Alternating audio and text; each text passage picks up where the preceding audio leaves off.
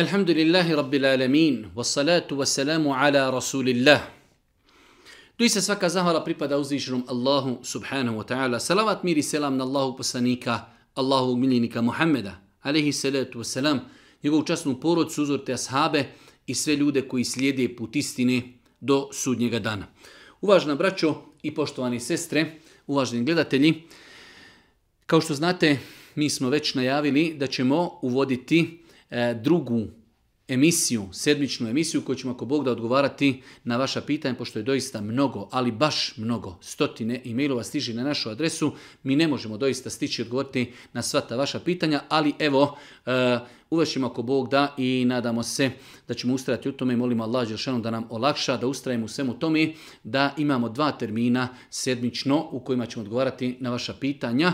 U prosjeku odgovaramo na 25, 30, 40, pa nekada i više pitanja shodno opet e, težini odgovora i detaljima koje moramo iznositi prilikom odgovaranja na vaša pitanja. Ovo je naša 65. emisija. Prvo pitanje, e, možda ću ja ovako da to rezimiram kraće, čovjek kaže ima prijatelja koji je izuzetno lijep vjernik, e, ima problem da ne može da ima intimni kontakt sa svojom suprugom, pa je njegova supruga žive u Njemačkoj, pa je njemu njegova supruga dozvolila da on mjesečno dva puta ode u javnu kuću i da ispuni svoje te intimne potrebe, pa kada ga je ovaj čovjek upozorio na to, kazao je da nije to sporno šerijatski zato što on ima saglasnost svoje supruge za takvu stvar, a iz druge strane on je to kao uredno sve platio i tako dalje bez obzira što ima saglasnost od svoje supruge i bez obzira što je on to platio, to i dalje ostaje haram nemojte da vas šetan zavede i nemojte da vas šetan e, zamanta svojim e, jeftinim forama, haram ostaje haram. Ne može čovjek jesti svinjetinu samo zato što mu je neko to kupio i rekao evo ja ti to odobravam, isto tako i sa bludom. Znači taj čovjek ako ima potrebu za intimom, onda to treba rješavati na neki drugi način, e, da li će tražiti drugu ženu ili nešto drugo da oženi se, znači poligamni brak ili nešto drugo, to je njegova stvar, ali blud ostaje blud. Njegov postupak odlazak u javnu kuću, bez obzira što je to dva puta mjesečno, bez obzira što on to platio, bez obzira što je to njegova supruga dozvolila, iako je to gnusno, sve gnusno, ali to ostaje jasni haram.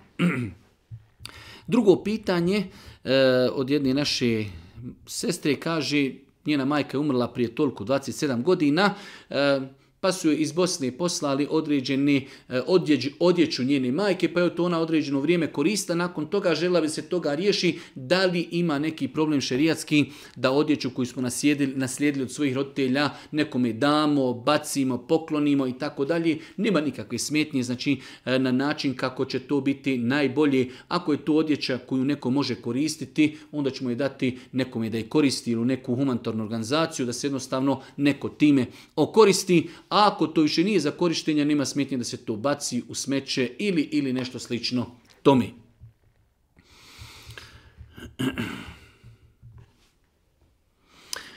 jedna naša sestra kaže, ja i moj suprug smo se skoro šerijatski vjenčali, e, dosta puta se svađaju, u svađi ona čovjeku kaže da se ona razvodi od njega. A on to nikada nije kazao, da li to nosi neke pravne posljedice? Ne.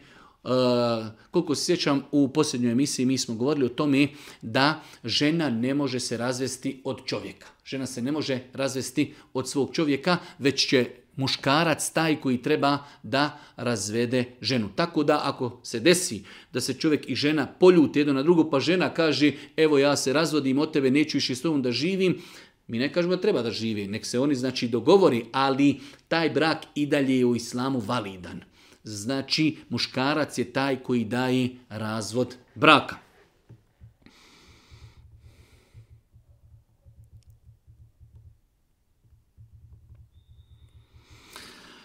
E, jedna naša sestra kaže, prije tri dana sam rodila zdravo dijete od prvog dana dijete doji i tako dalje, a u svakom slučaju žena ima višak mlijeka. Da li može tako mlijeko, višak mlijeka donirati u takozvani banke, mjesta sakupljanja mlijeka koji se poslije draje drugim bebama čije majke nemaju dovoljno mlijeka. Allah najbolje zna, neispravno je davati takvo mlijeko, višak mlijeka u takve banke, zato što mi znamo da u islamu postoje, postoje tri načina eh, srodstva, pa imamo po krvi, po tazbini i po mlijeku. Žena koja zadoji neko dijete pet zasebni dojenja, to dijete njoj postaje njeno dijete po mlijeku, ona njemu postaje majka po mlijeku i zabranjeno je znači e, da e, to dijete e, sa njenom djecom jednostavno kao da im je ono brat po, po krvi zabranjeno da imaju znači brak i tako dalje. Tako da žena ako bi davala svoje mlijeko u takve banke, ne zna se, ne zna se više ko je sve pio to mlijeko i na koga se ta zabrana više sve i odnosi. Tako da je naš savjet, ako se već želi iskoristiti mlijeko, onda da se to mlijeko daje osobama koje mi znamo. Znači, to dijete daje mu se moje mlijeko i ja sam njegova majka po mlijeku. Ako bude pet puta i više nahranjeno njenim mlijekom, ona postaje njemu majka po mlijeku, ali ako će se to negdje e, prikupljati u neke takozvane banke mlijeka, nakon toga se dijeliti djeci za koju mi ne znamo e, ni ko su ni šta su, Allah najbolje zna, to je neispravno jer Islam mnogo, ali baš mnogo pažnje posvećuje e, znači čovjekovom porijeklu i pazi na veze među ljudima kako ne bi došlo do toga da neko oženi nekoga komu je zabranjen za brak. Naredno pitanje.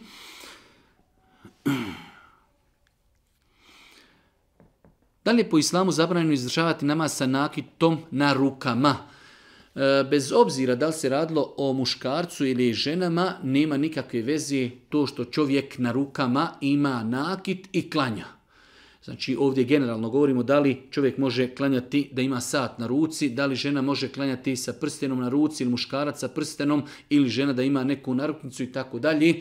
Znači sve te stvari nemaju nikakve veze, nemaju nikakve veze sa namazom. S tim, s druge strane, što kad su u pitanju žene, ako izlazi izvan kuće, ako ulazi u džamiju, klanjaju u džamiji, e, znači ukrasi koje žena nosi na rukama treba da budu pokriveni ili će ih nositi, pa nositi preko tih ukrasa nešto s čime će e, spriječiti viđenje tih ukrasa, kao što su rukavice ili nešto slično tome, ili će prilikom izlaska iz kuće skidati te ukrase.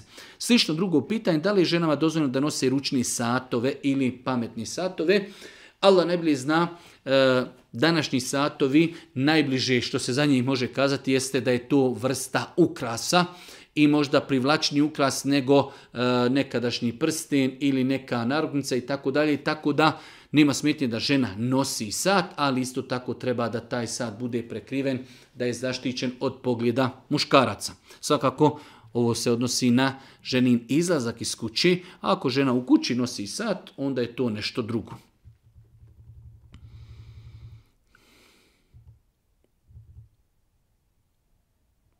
Da li je zabranjen novac koji je stečen e, rađenjem hijjami?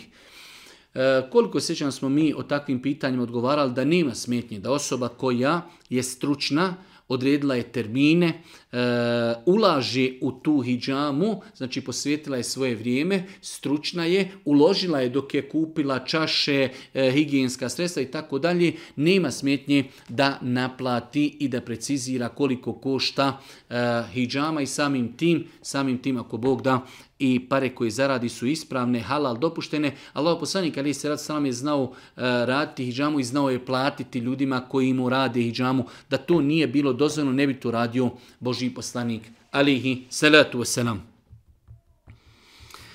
Da li moj bratić može mene vidjeti bez mahremi? Znači, žena ima brata, i brat ima dijete. Da li to njegovo dijete može vidjeti e, znači e, nju može vidjeti nju e, bez mahrami svakako, po konsenzusu islamskih učenjaka, onako kako je spomenut u suri En-Nisa, Allah Žešanu kada govori e, o zabranama e, prilikom sklapanja braka, kaže i djeca, i djeca, braći vaši, djeca se stara vaši. Tako da, znači, dijete od brata, dijete od brata, bratić je mahrem po konsenzusu islamskog učinjaka, samim tim kada kažemo trajni mahrem, onda on može da vidi ženu bez mahrami i može sa njom putovati, može se sa njom rukovati. Znači, e, sin, sin od brata je trajni mahrem po konsenzusu islamskih učenjaka. Molim vas, možete li objasniti e, možemo li jesti pileće, jagnjeće i kravlje meso u Njemačkoj? U protekloj emisiji smo govorili da kada je u pitanju konzumiranje mesa na zapadu, možemo konzumirati samo ono meso za koje znamo koga je zaklao ili meso koje ima porijeklo, certifikat, znači institucije koja stoji iza toga da je to zaklano na halal i islamski način. Za razliku od mesa, e, mi smo rekli da islam dozvoljava e, meso, koje je zaklao kršćanin ili židov, ali ako su ga zaklali prema islamskim načelima. Ako mi ne znamo kako kolju, onda možemo to konzumirati, ali u današnje vrijeme znamo, u današnje vrijeme znamo da se e, u nekim veli i evropskim zemljama je čak i zabranjeno klati životinja, a da ne govorimo u zemljama gdje se kolju, da se u najveši slučajeva ubijaju, znači pikuju pištoljima, ubijaju, tako da e, u takvim situacijama ostaje samo da čovjek jede meso za koje zna da je halal i e, koje je pripremljeno i zaklano po principima islama. Da li je vjerodostan hadis iščekivanje radosti je ibadet? Postoji hadis koji se pripisuje Božijem poslaniku intivaru el farađi ibade. Očekivanje, očekivanje izlaska iz teške situacije. Bolje bi bilo prevesti ovaj hadis iščekivanje izlaska iz teške situacije. Čovjeka je zadesio mu sibet, pa on sad iščekuje da Allah odagna od njega ta, taj musibet i nedaću, pa kažu, pripisuju Božim poslaniku hadis, iščekivanje izlaska iz nedaće, to je ibadet. Da li je tu ispravan hadis? Hadis nije ispravan, ali je njegovo značenje ispravno. Znači, u islamu pogledajte koliko čuvamo hadise Božijeg poslanika, bez obzira što značenje ovih riječi je ispravno, ali ne možemo kategorički tvrditi da je to rekao Boži poslanik, ovaj hadis nije vjerodostojan, mi ga zato ne pripisujemo hadi, Božijem poslaniku, ali njegovo značenje je ispravno da čovjek se strpi, očekuje, nada, moli Allaha subhanahu wa ta'ala, strpljivo podnosi određena iskušenja, on je definitivno tada u ibadetu. Ali ne smijemo te riječi pripisati Božijem poslaniku, ali se ratu sram, pa je razlika, kazati da je značenje hadisa ispravno, ali da nije vjerodostojan, da ga ne smijemo pripisati Allahom poslaniku, ali ih se ratu sram. Jedno malo duže pitanje, Imala sam papir i sveske na njemu je harfovima napisano 113 puta Bismillahirrahmanirrahim. Osoba pita, ima papir na kojem je 113 puta napisano Bismillahirrahmanirrahim, da li šta može urati sa takvim papirom? Ništa. Znači takav papir možemo slobodno bez ikakve smetnje zapaliti. Najbolji način znači e, da se riješimo papira na kojima ima bismila, na kojima imaju e, Allahova imena ili čak e, znači novine islamske novine ili neki ilmihal ili neka islamska knjiga koja je ostarila, pocijepala se, pa čak i stari mushaf koji se e, znači raščupao e, pod različitim faktorima, e, znači sve to možemo ili zapaliti ili zakopati negdje u zemlju kuda ljudi ne hodaju. 12. pitanje, nakon malo poduže baš pitanje, ali rezime pitanja je E, da daje i ulema treba da govore i upozoravaju ljude koji stupaju u brak, a prethodno su bili u braku, imaju djecu iz prethodnih brakova. Ja sam o tome više puta govorio i o tome sam pisao da osobe koje e, su imale prethodno brak i imaju djecu iz braka primjer žena se udala, imala je dijete jedno i dvoje i sa njom su ostala djeca, nakon toga želi da se uda, jer čovjek je imao brak, ima jedno ili dvoje djeci i djeca su sa njim i želi da se uzmu. E, treba dodatno da budu i e, pažljivi i predostrožni. Jer ta njihova djeca su njihovi neki repovi koji mogu sutra im napraviti velike probleme u braku ako u početku već ne izdefinišu svoj odnos prema toj djeci gdje će djeca biti, e, kod koga će biti, kako ćemo se obhoditi prema djeci, mnogo su to bitne stvari jer dosta, baš dosta slučajeva mi se javilo ljudi koji jednostavno zbog tog pitanja moraju da prekinu drugi taj svoj brak, zato što žena ima svoju djecu iz prvog braka ili muž ima djecu iz prvog braka, ta žena se ne obhodi prema djeci kako treba ili se djeca ne obhodi prema njoj kako treba ili nana se petlja u život i kaže ona se ne obhodi prema djeci kako treba ili njen prvi muž zove tog drugog njenog čovjeka, kako se opodiš prema mojoj djeci i tako dalje. Tako da je e, znači to izuzetno osjetljiva tema. Svakako, to ne sprečava da ljudi stupe u brak, ali moraju biti pametni, moraju biti pronicljivi, moraju biti predostrožni, moraju jednostavno što bolje definisati svoj odnos prema toj svoj odnos prema toj djeci, tako da ovo je jedna lijepa inicijativa da se ovoj temi progovori, kako ne daj Bože, e, nedefinisanje tih stvari ne bi uzrokovalo i e, padanje tog drugog braka.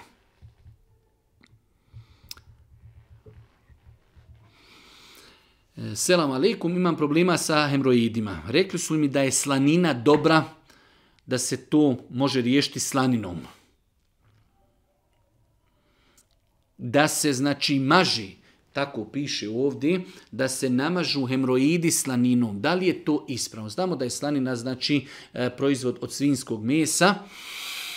E, da li muslima, nama muslimanima je zabranjeno konzumiranje svinskog mesa, da li možemo mi koristiti slaninu ili svinsko meso ili svinsku mast e, tako što ćemo vanjštinom, u vanjskom, znači nekom korištenju koristiti takve stvari. Generalno, islamski učenjaci su kazali ako postoji alternativa, treba izbjegavati ono što je zabranjeno. Jer je Boži poslanik Ali Sad sam kazao, nemojte se liješiti haramom, ali ako ne postoji alternativa e, u vanjskom korištenju, znači u vanjskom korištenju bez jedenja ili bez pijenja, e, ako je to neka vanjska obloga ili neko vanjsko znači mazanje, nadamo se ako Bog da, to nije sporno jer je nama muslimanima zabranjeno svinsko meso, e, znači u širim obliku svi proizvodi od svinskog mesa su nama zabranjeni za jesti i piti. Ali da se, e, ne znam, nekim svinskim, e, evo u ovom slučaju slaninom ili neka mast, da se namažu e, znači, neke obloge napravi. E, ako ne postoji nešto drugo čime se možemo liječiti, nadamo se inšala da je to dozvoljeno. Da li je dozvoljeno klanjati nakon ginekološke operacije kada postoji krvarinje, e, uklanjanje polipa? E, znači žene koje imaju operacije i nakon te operacije imaju krvarinje, kao u slučaju uklanjanje polipa, e, da li mogu klanjati zbog tog krvarinja? znači ispravno je mišljenje da krv koja izlazi kao plod kao plod određenih operacija i hiruških zahvata, to je krv istihazi. To je krv istihazi, ženi je u tom periodu namaz obaveza. Velik broj žena ima neko svoje mišljenje da bilo kakva krv koja ističe na spolni organ, da zbog toga ne smije klanjati, što nije tačno.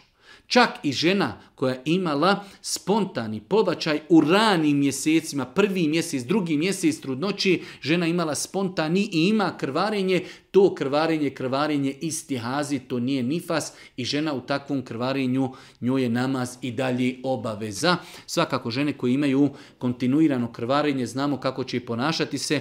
Prvo će se prije namaza oprati dobro, očistiti od krvi, nakon toga dobro zaštititi higijenskim ulošcima, nakon toga abdestiti i nakon toga klanjati pa makar se desilo isticanje krvi u toku namaza, takav namaz je inšala ispravan, validan. Znači žena koja ima krvarenje, koje je nastalo kao plod hiruškog zahvata, uklanjanje, e, uklanjanje polipa, e, ona njoj je namaz obaveza, njoj je namaz obaveza, to krv nije krv hajza.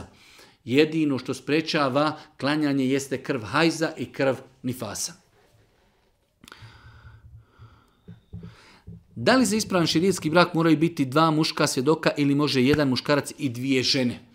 U vjerodostojnim hadisima Allah poslanik je spomenuo o, kada je u pitanju brak, da nema validnog braka bez staratelja i bez dva svjedoka. Bez dva svjedoka, e, bez dva muška povjerljiva svjedoka.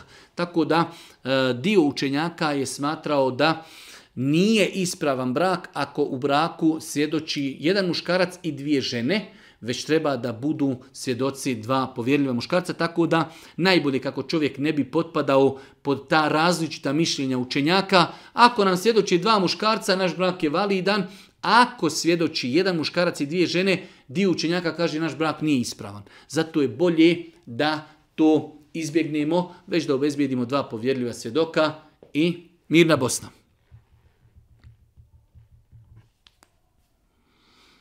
Ponovo imamo pitanje e, za ljude koji su iz neznanja klali ovce i proljevali krv, znači na temelje kući iz uvjerenja da to čuva kuću. Šta da uradi? Kazali smo da jedino što mogu da uradi sada jeste da se pokaju, da znaju da to što je bilo da je greška i da je neispravno i da u njihovom srcu nema nikakvog jeklina, ni ubjeđenja, ni uvjerenja da to čuva njihovu kuću. Znači ono što danas možemo raditi ako je čovjek prije 15 godina gradio kuću i kada je gradio kuću zaklao je ovcu i tu krv koja je nečista po konsensu činjaka posipao po čoškovima kući uvjerenja da će to čuvati njegovu kuću, to uvjerenje je neispravno, to treba ukidati, na to treba upozoravati, bez obzira što neko kaže pa tako je radio ovaj, tako se radilo na otvorenju džamije, ovdje, ondje, to je neispravno. Prvo, ta krv je nečista po konsenzusu učenjaka, Zamislite da uzmemo, e, da uzmemo kantu neđaseta, nečistoći mokraći i pospijemo tako po svojoj kući. Da li bi to neko prihvatio? Ta krv je nečista, pod jedan. Druga stvar, neispravno je na taj način štititi se, štititi se od uroka i to se smatra malim širkom. Neispravna korištenja, čuvanja od uroka su mali širk. I s druge strane, Znači, rekli smo, treba se boriti protiv takvih stvari, ukazivati na njih. Ako je to već neko uradio, dovoljno inšala da se pokaje zbog toga i da otluži da to više nikada neće raditi i da nema nikakvo uvjerenje u srcu da ga to čuva. Kada se na putovanju spaje dva namaza, na primjer podne i kindija, je li dovoljno prušiti samo jedan i kamet prije klanjanja podne? Nije. Kada se spajaju namazi, čovjek koji je musafir ima mogućnost da spoji, ako ima znači potrebu da spoji se sa ikindijom, akšam sa jacijom. Kako će klanjati? Prvo će proučiti ezan, nakon toga uči se i kamet za, evo rećemo, podni. Kada preda selam nakon dva rekiata, ustaće ponovo na namaz, proučit će ponovo i kamet, pa će nakon toga klanjati ikindiju. Znači, kada spajamo namaze, spajaju se sa jednim ezanom i sa dva i kameta.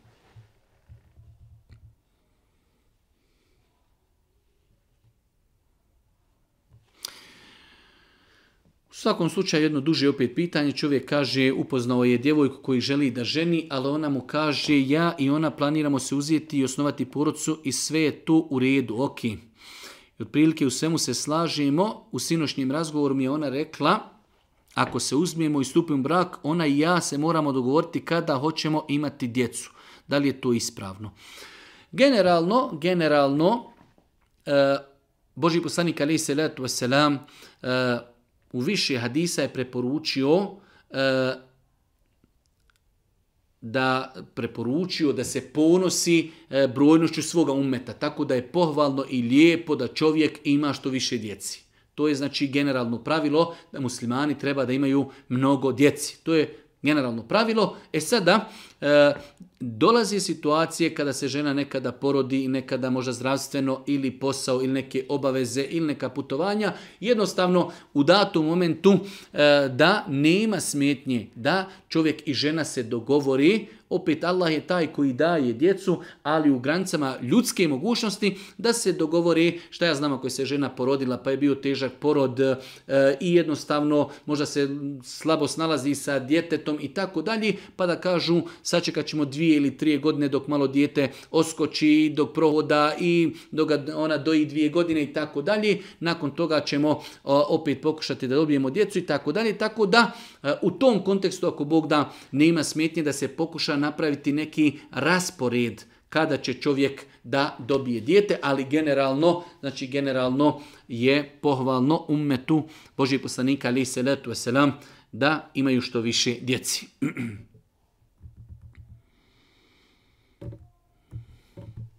pitanje, duže pitanje, da čovjek kaže, majka mu je preselila prije šest godina, od tada njegov otac je počeo da konzumira alkohol, e, dolazi u situacije da od njega, od tog sina svog traži novac i on mi postavlja pitanje e, i do te mjere da se on izigrava sa tim, kaže daj mi novca da idem sebi kupiti svoj lijek.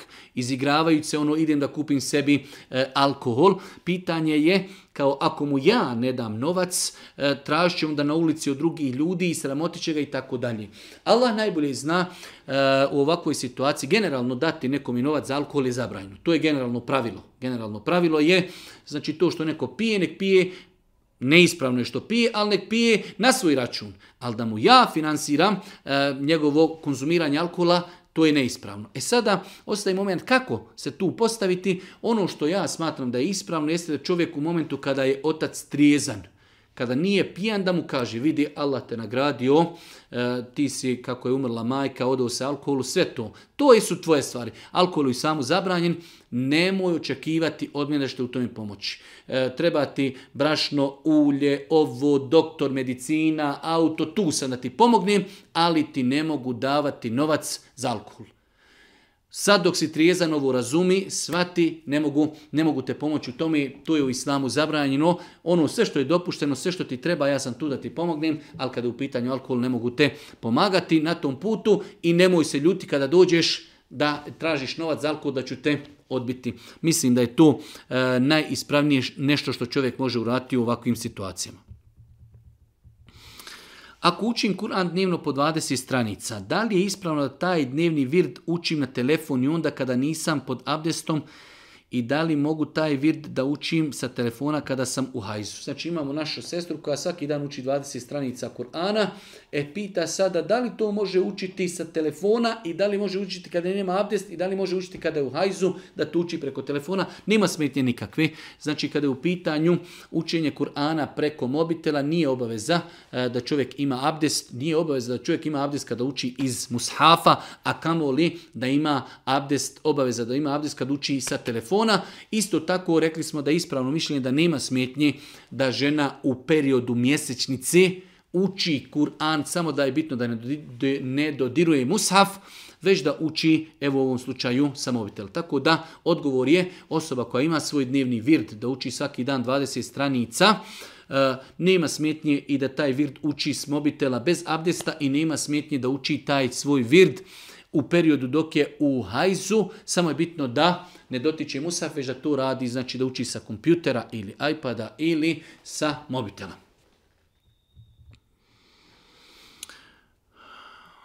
Moj upit je kako pravilno i šta učiti na vodu. Kako i šta učiti na vodu. Znači, Nekoliko puta smo govorili o tome da u islamu beričet i blagoslov Kur'ana e, prelazi e, na hranu i prelazi na piće iznad koje se uči Kur'an. Tako da nema smetnje da čovjek znači uzme čašu vode iznad nje prouči nešto od Kur'ana, nakon toga pljucni bez pljuvake, znači samo zrakom u tu vodu i da to onda konzumira nadajući se Allahom subhanahu ta'ala lijeku i beričetu blagoslovu Kur'ana.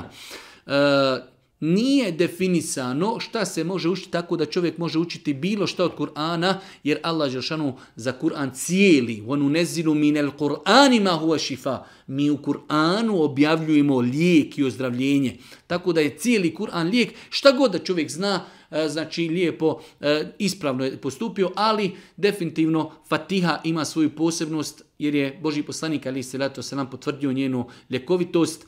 Kula uzubi rabbi felek, kula uzubi nas, e, kul huvallah, ajetul kursi, sve su to neke stvari koje mi svi znamo.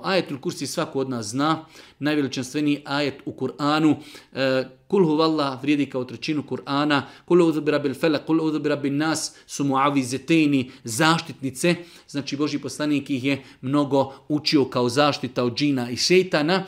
Tako da ako čovjek zna još koju suru, bilo šta od Kur'ana da prouči iznad vode pljucne, nakon toga to popije, nadamo se inšal da je to sve ispravno. Generalan odgovor nije precizirano šta se od Kur'ana može učiti, bilo šta da se uči inšala je ispravno.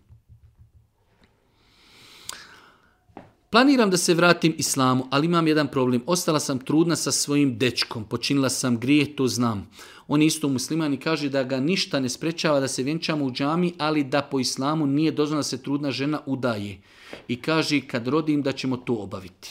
Pitanje da li je to tačno. Prva stvar, koliko mi ukazujemo na, neispravnost e, kontakta prije braka ašikovanje, hodanje, vodanje, ljubljenje i vidite do čega dođe da e, završe veze da djevojka zatrudni i onda nakon toga je problem, sada će ljudi znati da je zatrudnila, nije udata e, i onda dođe taj njen momak koji kaže ne želim da te oživim dok se ne porodiš zato što islamu nije dozvoljeno da se oženi e, osoba koja je zatrudnila e, u vambračnoj zajednici. Generalno, postoji jako razilaženje u pogledu toga e, da li, se može e, vjenčati osoba s kojom je čovjek počinio nemoral i ona od tog nemorala zatrudnila. Tako da e, ja lično nemam kompetenciju da odaberem koje mišljenje je ispravno u svemu tome, ali generalno postoji velik broj islamskih učenjaka, ako ne i džumhur, većina učenjaka koji su smatrali da nije ispravan brak osobe s kojom čovjek počinio nemoral i ona zatrudna baš ovako kako je u pitanju, sve dok se ona ne porodi. Nakon što se porodi, onda ima pravo da je vjenča, s tim što to dijete se neće moći pripisivati to njenom ocu, tom znači osobi s kojom je ona počinila blud iz razloga što je to dijete nemorala i dijete bluda, ono se pripisuje u islamu majci. Dijete nemorala i bluda se e, pripisuje u islamu majci. Tako da, e, znači, stav kojeg je spomenuo taj momak ima jako utemeljenje u islamu. Da li haram nositi plavu oko, fatimino oko kao nakit na ogrlici i narukvici i tako dalje? E, mi smo ukazivali e, na opasnost kačenja i vješanja na sebe različite savremene stvari koje velik broj ljudi doživljava kao hamajlija. Velik broj ljudi kupuje takozvanu plavu Fatimino oko, smatrujući da je to vid talismana, je zapisa koji čovjeka čuva od uroka, od zavisti i tako dalje. E sada ostaje da li to može neko nositi samo kao ukras, bez da ima ikakva uvjerenja. Allah najbolje zna, neispravno je nositi nešto što ljudi e, nose u većini slučajeva na neispravan način, makar ti nosio na ispravan način. Zato je došlo da je Božijem poslaniku došao čovjek i kaže Božji poslaniće, zavjetovao sam se da ću na tom i tom mjestu, na tom i tom mjestu e, prinijeti žrtu, zaklati devu. Pa mu kaže Božji poslanik, dobro, a je li tu bilo ikakvi prija božanstava e, džahilijeta, da su imali neke svoje bogove, da su tu prinosili žrtve? Kaže, nije. Pa pogledajte, Boži poslanik Ali se letu selam ga pita, a jesu li tu bili božanstva, jesu tu, kaže, bili njihovi neki e, e, praznici gdje su oni prinosili žrtve. Ovaj čovjek je u islamu, želi po islamskom načinu da prinese žrtvu, ali ga poslanik pita, a to mjesto, da li tu ima neki božanstava, da li imaju tu neki njihovi praznici, pa kada je rekao ne, nema, onda je rekao dobro, možeš tu urati. A šta da je rekao da? Tako da čovjek nekada stvar koja je u osnovi dozvoljena ako se radi na neispravnom mjestu i ljudi to doživljavaju iz njegovog okruženja neispravno, on to ne treba raditi. U ovom slučaju, možda neko uzme Fatimin oko i doista nosi onako lijepom, to mu je lijep privjesak. Ali ljudi koji hodaju oko njega ne znaju da kažu pa ovaj to čovjek nosi samo kao privisak. Jer većina ljudi to nosi kao talisman, kao Hamajlju iz uvjerenja da ga to čuva od nekog uroka. Ne znaju oni iz kojeg ti to uvjerenja nosiš, zato je to neispravno, makar mi to ne nosili iz uvjerenja da nas čuva. Jer većina ljudi koji to nose, nose iz pogrešnih uvjerenja. Radim kao steward već dvije godine u jednoj mađarskoj kompaniji. Na prvom razgovoru za posao rekli su mi da moram svaki put dolaziti obrijan na posao. Znam da je to zabranjeno islamu. Šta da radim? Čovjek treba da se bori za svoja prava pošto ovdje piše, znam da je to zabranjeno islamu. Brijati bradu islamu je zabranjeno prema e, određen e, učenjaci, navode konsenzus. Znači, konsenzus učenjaka da je zabranjeno brijati bradu i da je to unakažavanje insanskog lika. Znači, brijati bradu je strogo zabranjeno u islamu. Strogo zabranjeno u islamu. E sada, mi smo došli na posao gdje nam ljudi uvjetuju nešto što je u islamu zabranjeno. Šta mi možemo? Možemo se boriti za svoja prava. To je ono što mogu ja da kažem. Ostalo da čovjek koji e, će ostati na takvom poslu, to ostaje između njega i njegovog gospodara. Da li će dolaziti i privati posao gdje mora raditi nešto što je zabranjeno islamu, ali ono što treba da radi jeste da ako će ostati na takvom poslu, da se pokuša izboriti za svoja prava. Pitanje je, Slijedim hanefijski mezheb. Znam da je sunnet podizati ruke u namazu, ali mum odsto smeta. Pa bi vas htio pitati da li mogu nekada klanjati sa tekbirima dizajući ruke, a nekada ne. E, Allah najbolje zna, nema smetnje ako čovjek vidi da njegovom ocu koji nema kompetencije, niti ima znanja, ni tolerancije, da mu smeta to dizanje ruku ako e, dijete klanja i vidi da ga otac vidi i ako diže ruke, e, znači ako će se na njega ljutiti, na taj način prizivati njegovu srđbu i ljutnju, to je dizanje ruku u namazu, maksimum što se može kazati jeste da je to sunnet. E sada, da li taj sunnet prakticirati na uštrb da ćemo ljutiti svoga oca koji to ne razumije, e, treba pokušati razgovarati. Da mu se kaže, evo ima hadis u Buhari i muslim od Ibnu Amara, da je Boži poslanik Ali se salam u namazu, znači na svakom rekiatu dizao tri četiri puta ruke, pa ako to prihvati, dobro jest, ako ne prihvati, onda ćemo klanjati, diza, dizati ruke u namazu onda kada nas on ne vidi, ako klanjamo tu gdje nas on vidi, nadam se inšala da nismo griješni ako to ostavimo, pogotovo u želji da postignemo zadovoljstvo svoga roditelja. Da li su dozvoljeni intimni odnosi prije šerijetskog vjenčanja, ali naravno da imamo u planu šerijetsko vjenčanje nekad kasnije. Da li je dozvoljno imati intimni kontakt prije šerijetskog vjenčanja, a imamo u planu da se nekad kasnije šerijetski vjenčamo. A šta ako ne dođe do šerijetskog vjenčanja? Više puta smo ukazivali, govorili, čovjek prije e, stupanja u brak ima šerijetski dozvolu da vidi lice svoje supruge i njene ruke. To je ono što mu islam dozvoljava, sve mimo toga ta žena je za njega strankinja. Znači ne smije dotaketi, ne smije poljubiti, a o intimnom kontaktu da ne govorimo. Sve do šerijetskog vjenčanja.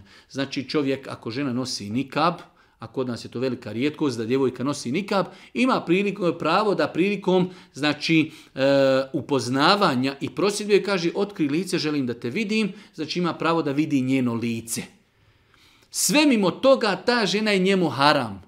Da je dotakne, da je poljubi i svaki drugi vid intimnog kontakta. Tako da, znači, e, intimni kontakt prije šerijetskog vjenčanja je blud, nemoral, baš ono što islam zabranjuje, bez obzira što čovjek kaže, ali mi smo u nekoj ozbiljnoj vezi, mi se planiramo uzeti tako dalje, to sve pada u vodu.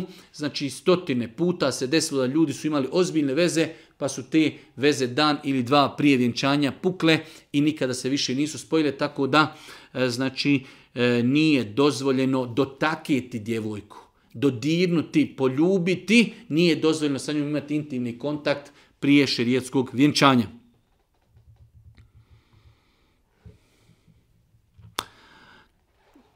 Kako se ponašati sa mužom koji gleda haram i pornografiju na internetu i često se i samozadovoljava? Obodvoje smo u vjeri i prakticiramo vjeru, Mene to mnogo boli, izjeda i razmišljam o razvodu braka.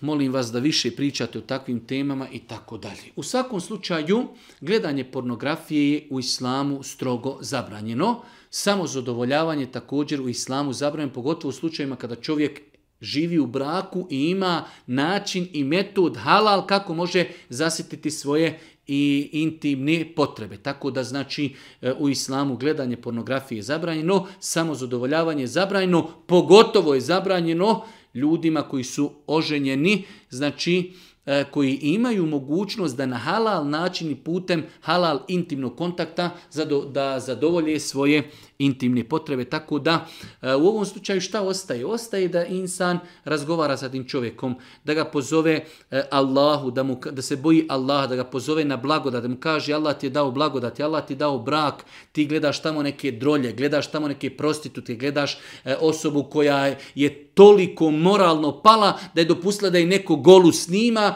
i da se to širi internetom. Gdje, gdje su tu moralne vrijednosti da ostavimo vjeru? Gdje je tu moral da se neko skine i nekoga snima i onda neko dođe i gleda sve to. Pogotovo osoba koja zna za Boga, osoba musliman, zna da je to zabranjeno. Tako da ne ostaje ništa osim razgovor. Ne ostaje ništa osim razgovor, savjet, kritika. Nakon toga insan je, insan je na, na, na tromeđi, ako vidi da mu to toliko smeta, da ne može više se nositi s time, da druga strana to ne, ne, ne prihvata, ne čuje, oglušuje se prema tome, onda e, ima pravo sigurno da traži šerijatski, znači ima šerijatski razlog da traži razvod braka. Ako može strpiti se, saburati, e, savjetovati, kritikovati, e, ako treba čak i e, uvesti treću stranu koja će pokušati tog insana posavjetovati na lijep način, sve su to inšallah rješenja ovom problemu.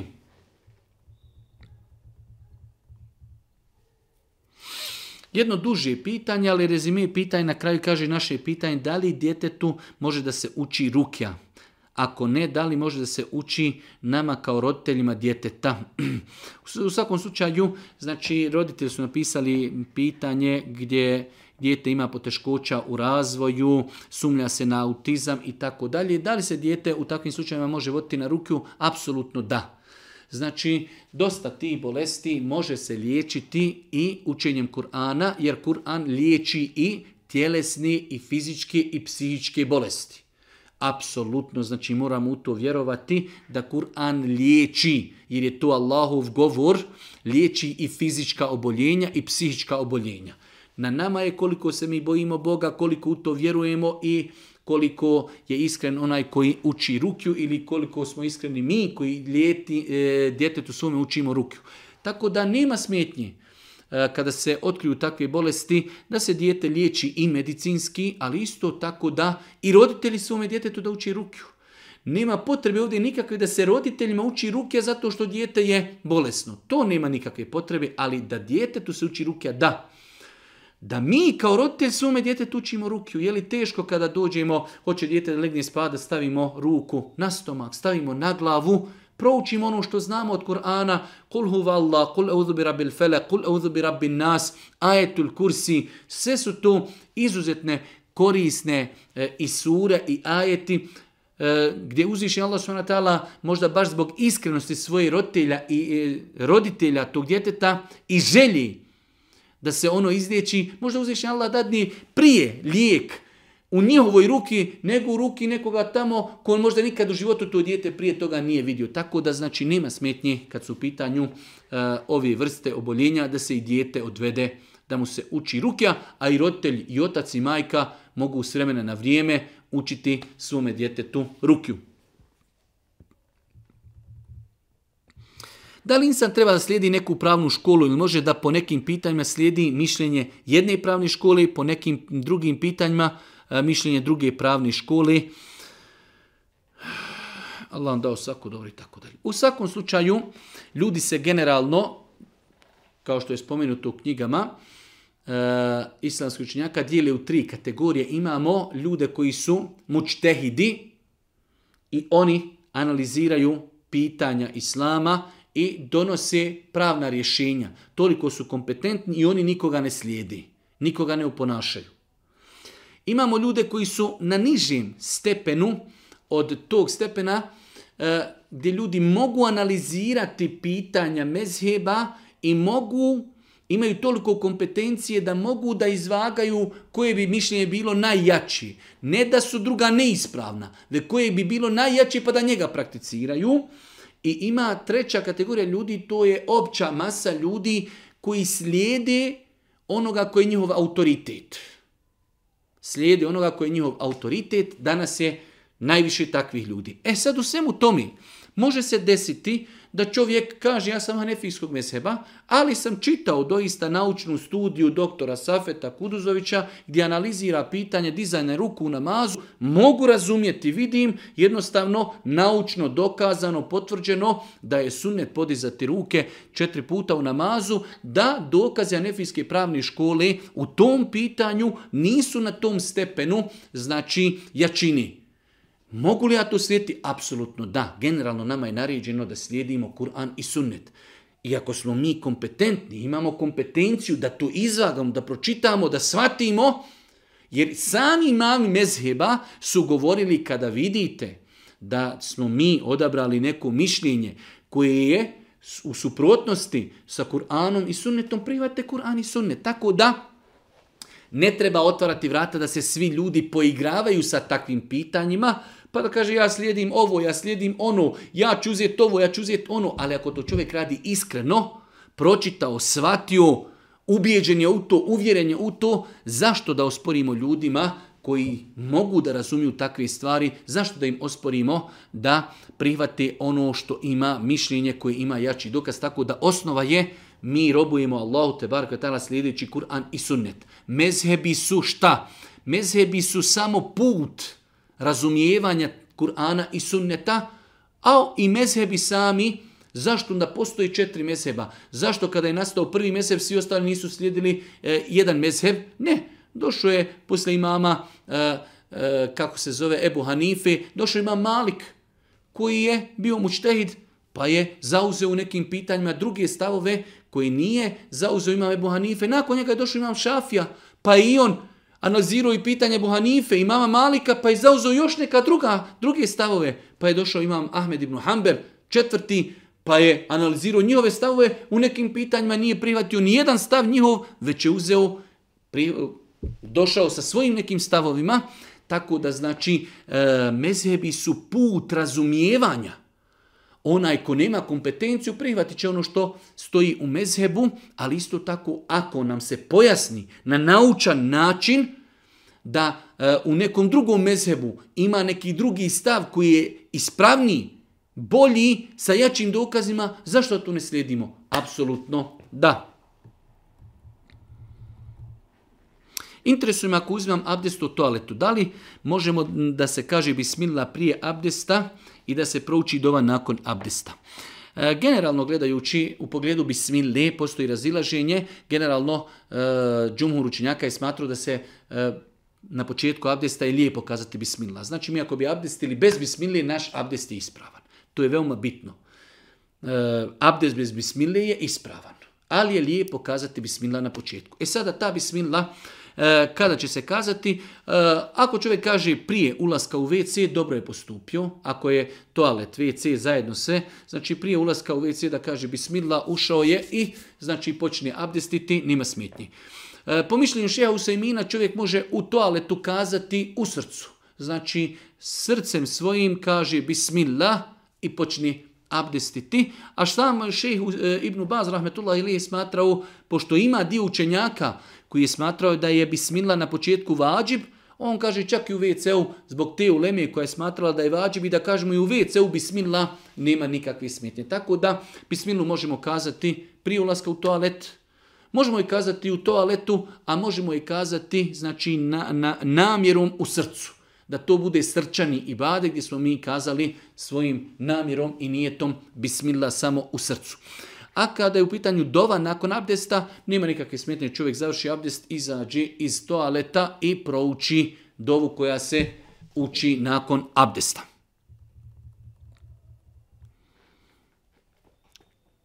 Da li je čovjek dužan da se okupa, da uzme gusul ako je na spolni organ izašla bistra tekućina, bistra tekućina ili sluzava bijela tekućina? E, velik broj ljudi ne zna da postoji tekućina koja se zove na arapskom medidj. E, na bosanskom neki to prevode kao predejakulacijska tekućina. Ali, radijallahu ta'anhu, Zed Božijeg poslanika imao je velikih problema sa tom tekućinom, pa je poslao jednog ashaba Miktat ibn Esveda da pita Božijeg poslanika ali se letu se nam u toj tekućini, pa je rekao Božiji poslanik ne treba se zbog te tekućine kupati. Znači, muškarac u toku dana može primijetiti isticanje spolnog organa, isticanje bijele sluzave tečnosti. Da li se od te tečnosti treba kupati? Ne, jer nije to sperma.